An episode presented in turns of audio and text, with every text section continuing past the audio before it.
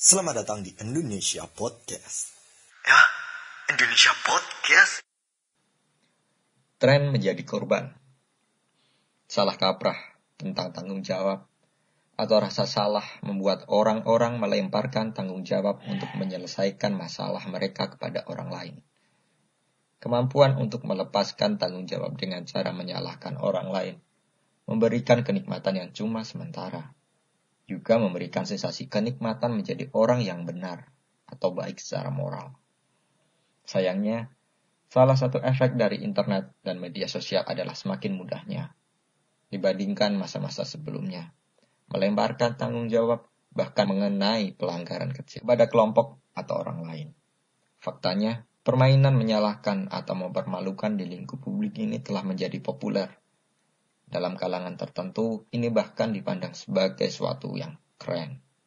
Menyebarkan ketidakadilan kepada publik, memanen perhatian dan emosi yang jauh lebih banyak, dan menarik ketimbang sebagian besar peristiwa lain di media sosial.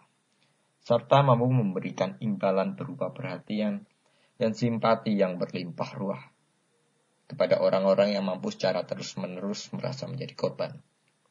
Tren menjadi korban merupakan tren yang berlaku baik untuk mereka yang berpandangan kanan atau kiri sekarang ini. Merebak di antara yang kaya dan yang miskin.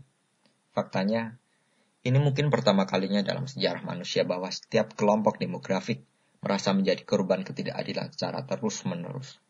Dan mereka semua dengan sengaja menunggangi kegemaran moral yang menyertainya. Sekarang ini, siapa pun yang merasa diserang tentang apa pun Entah bahwa faktanya buku tentang rasisme diberikan di bangku kuliah, atau bahwa pohon Natal dilarang dipajang di mall setempat, atau fakta bahwa pajak dinaikkan setengah persen untuk dana investasi.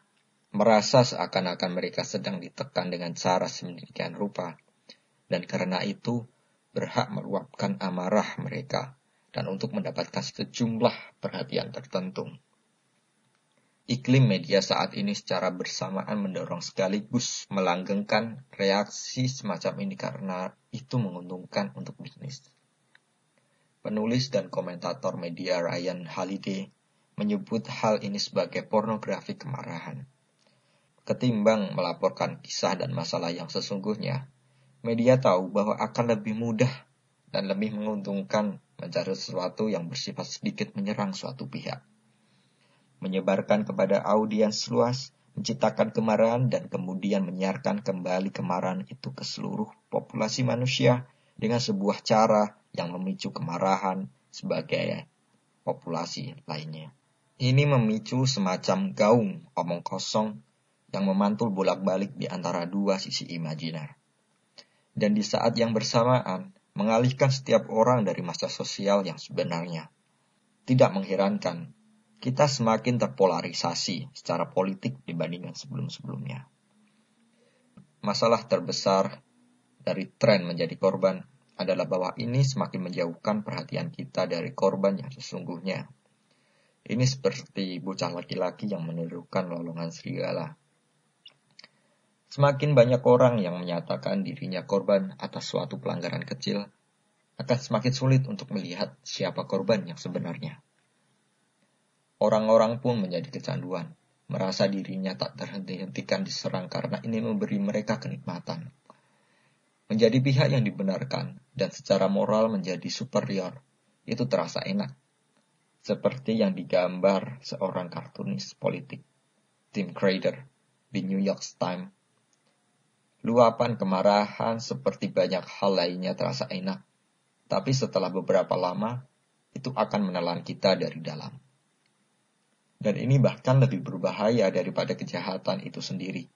Karena kita bahkan secara tidak sadar mengakui kalau itu sebuah kenikmatan. Namun bagian dari hidup dalam sebuah masyarakat yang demokratis dan bebas, bahwa kita semua harus berhadapan dengan berbagai pandangan dan orang yang berseberangan dengan kita. Itulah harga yang kita bayar. Anda bahkan dapat berkata kalau memang itulah seluruh inti dari sistem demokrasi. Dan kelihatannya semakin banyak orang yang melupakan hal tersebut. Kita disarankan untuk memilih pertempuran kita dengan hati-hati, sambil terus-menerus mencoba sedikit berempati terhadap mereka yang kita sebut musuh. Sebaiknya kita mendahulukan nilai kejujuran, memelihara keterbukaan, dan menerima keraguan yang muncul atas nilai-nilai seperti merasa paling benar, merasa enak, dan membalas dendam. Nilai-nilai demokratis di atas akan sulit dipertahankan di tengah-tengah selalu bisingnya dunia yang terhubung satu sama lain. Tetapi kita, suka tidak suka, harus menerima tanggung jawab tersebut dan merawatnya. Stabilitas sistem politik kita di masa depan bisa saja bergantung pada hal ini. Terima kasih telah mendengarkan.